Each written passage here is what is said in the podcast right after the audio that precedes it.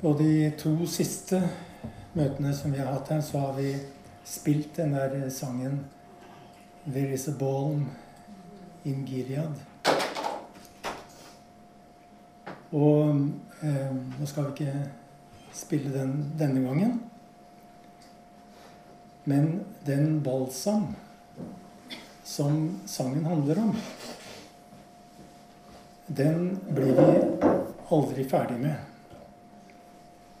For behovet er så stort. Det er eh, behov for balsam for våre egne sår. Og det er behov for balsam som eh, en velsignelse for den verden vi lever i. Nå har jeg lest en bok som tilfeldigvis heter Gilead. Og den er skrevet av den amerikanske forfatteren Marilyn Robinson. Det er en bok som jeg sterkt kan anbefale. Den har kommet i nytt opplag på norsk i år. Og tidligere president Barack Obama han har sagt at den boka har, forandra mitt liv. Jeg skal fortelle litt fra den boka. Den, den boka tar oss med til eh, Gilead, som er en fiktiv småby i Midtvesten i USA på 50-tallet. Og her i Gilead så møter vi bl.a. de to pastorene John Ames og Robert Borton. Disse to pastorene er nå to eldre menn, men de har kjent hverandre siden de var barn. Og de er pastorer for hver sin kirke i denne lille småbyen. Og de er hverandres beste venner. Og boka forteller om at for mange år siden så fikk Robert Boughton en sønn Og denne sønnen oppkaller han etter sin bestevenn. Og han kaller gutten for John Ames Båten. Men i boka så er han kalt Jack. Så langt, så vel. Men så viser det seg at denne sønnen Jack han utvikler seg til å bli familiens sorte får. Og Jack blir årsak til mye sorg og skuffelser. Han bryter hele tiden normer og lover. Og havner bl.a. i fengsel på et tidspunkt. Kort sagt så viser seg at hele livet hans bærer preg av noe mørkt og selvdestruktivt. Og det fører også til at den ellers gudfryktige og fromme pastoren John Ames han utvikler en motvilje mot denne sin gudsønn. Han klarer ikke å elske denne ansvarsløse og forargelige navnebroren. Jo, han utvikler, et kaldt og avvisende hjerte overfor Jack. Han distanserer seg fra synderen. Og han er ikke i stand til å velsigne ham. Så la oss ta et kikk i sidespeilet. En sentral hendelse i fortellingen om Jesus, det er når han står overfor døperen Johannes og Jesus ber om å bli døpt. Da protesterer Johannes. Jeg trenger å bli døpt av deg, sier han, og du kommer til meg. Men vi leser at Jesus insisterer på å bli døpt. Og Jesus insisterer på å bli døpt fordi han må være der hvor synderne er. Jesus distanserer seg ikke fra synderne. Jesus identifiserer seg med den som har kommet på avveier. Og fra begynnelsen til slutten handler livet til Jesus om hans solidaritet med en forvillet og såret menneskehet. Jesus distanserer seg ikke fra skammen eller fra all den smerte som følger i skammens kjølvann. Jesus distanserer seg ikke fra tapet eller fra savnet eller fra nøden. Jesus distanserer seg ikke fra ensomheten. Og han distanserer seg heller ikke fra den inflammasjonen i såra fra dette savnet. Eller fra ruinene som ligger igjen etter tapet. For til og med frelsen kan være smertefull før den leger.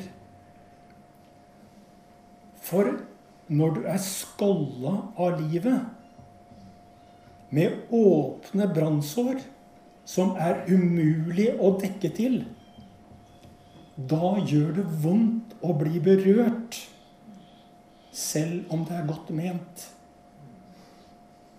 Og hvis livet har skremt deg fra å gi ditt hjerte til noen eller noe som helst, da kan av og til ikke engang kjærligheten berøre sårene uten et mål av smerte. Og allikevel så synger vi Det fins en balsam i Gilead. Det er ikke slik at nåden umiddelbart og fullt ut forløser meg fra smertene og sorgen og ensomheten. Og nåden opphever ikke uten videre tapet. Men nåden er med meg i kaoset. Og sammen med meg i ruinene. Og det var derfor Jesus insisterte på å bli døpt. For å gjøre seg til ett med synderen. Og det er en scene i slutten av denne boka, Gilead, som blir en oppvåkning for den eldre pastor Ames. Det er en scene som forandrer hans hjerte. Og det er jo sant at selv vi som har vært pastorer i 50 år, trenger av og til en omvendelse i våre hjerter. En utvidelse av vårt hjerte. Pastor James, eller Ames, han ø, opplever en oppvåkning som forandrer hans hjerte. Og det forløser en ny evne i pastorens liv. Og det skjer når han får se skjønnheten i den her verdslige synderen Jack. Han ser Jack sånn han er i Guds øyne. Med Guds stempel på sin panne, for å sitere Ibsen i Per Gynt.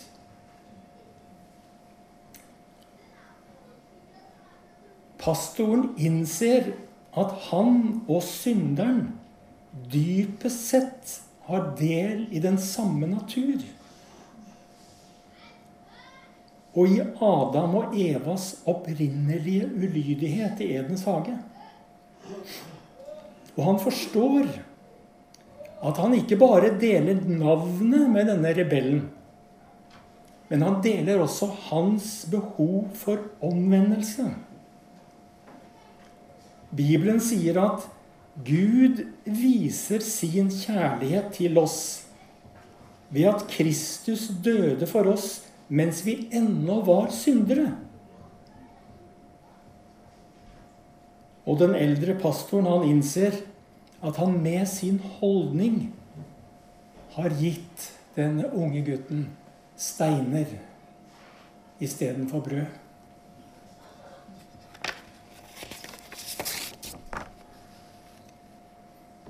Han har gitt ham steiner istedenfor brød når han ikke kunne velsigne Jack. Og samtidig så innser han at han har stjålet en velsignelse fra seg selv. For Bibelen sier den som sår med velsignelse, skal høste velsignelse. Den, den, som med et hardt hjerte gir steiner, skal ete steiner. Men den som gir brød, skal mettes av brød. Og den her fromme og på alle måter elskelige eldre pastoren, som er 77 år Det er en tilfeldighet at denne pastoren også fyller 77 år i år. Men han trengte en hjerterenselse. En hjerterenselse som kunne sette ham i stand til å velsigne. Men da måtte han først se sitt eget behov for nåde. Og poenget er at han kunne ikke akseptere Jack fordi han ikke så sant på seg sjøl. Men med denne nye innsikten så forvitrer motviljen og forakten mot den fortapte sønnen. Og denne motviljen han bar på, den blir erstatta av en trang. Og i en avsluttende scene så spør pastoren den fortapte sønnen Kan jeg få velsigne deg? Og det skjer på gata, ved et bussholdeplass. Og den fortapte sønnen, han tar av seg hatten legger på sine knær og sier ja. Velsign meg.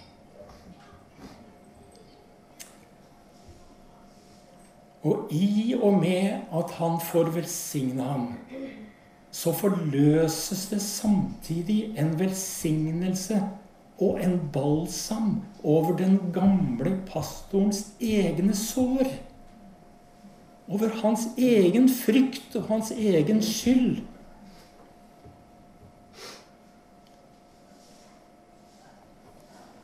Og han ser at velsignelsen er ikke en skyldighet. Det er en gave. Og den gamle pastoren konkluderer Jeg må være nådig. Min eneste oppgave er å være nådig. Og denne fortellingen den kan nok høres som et ekko fra Jesu lignelse om den ubarmhjertige tjeneren. Hvor Bibelen sier Burde ikke du også ha vist barmhjertighet mot din medtjener, slik jeg viste barmhjertighet mot deg? Romanfiguren Jack han er den marginaliserte og den utstøtte. Han som du aldri får høre et godt ord om. Men Gud ser den skjønnhet som fins i ham. Gud ser ham med Guds stempel på sin panne. Og sannheten er at Guds bilde i ethvert menneske er mer enn nok til å velsigne han eller henne. Å leve i nåden. Det er ikke bare å lære seg å ta og la mitt eget liv bli omfavna av nåden. Men å leve i nåden, det er også å lære seg å se på verden gjennom nåden.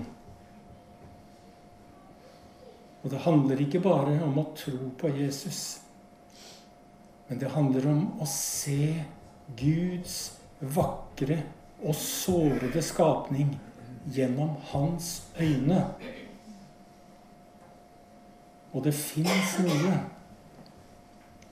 i alle våres liv som gjør at vi behøver denne balsam.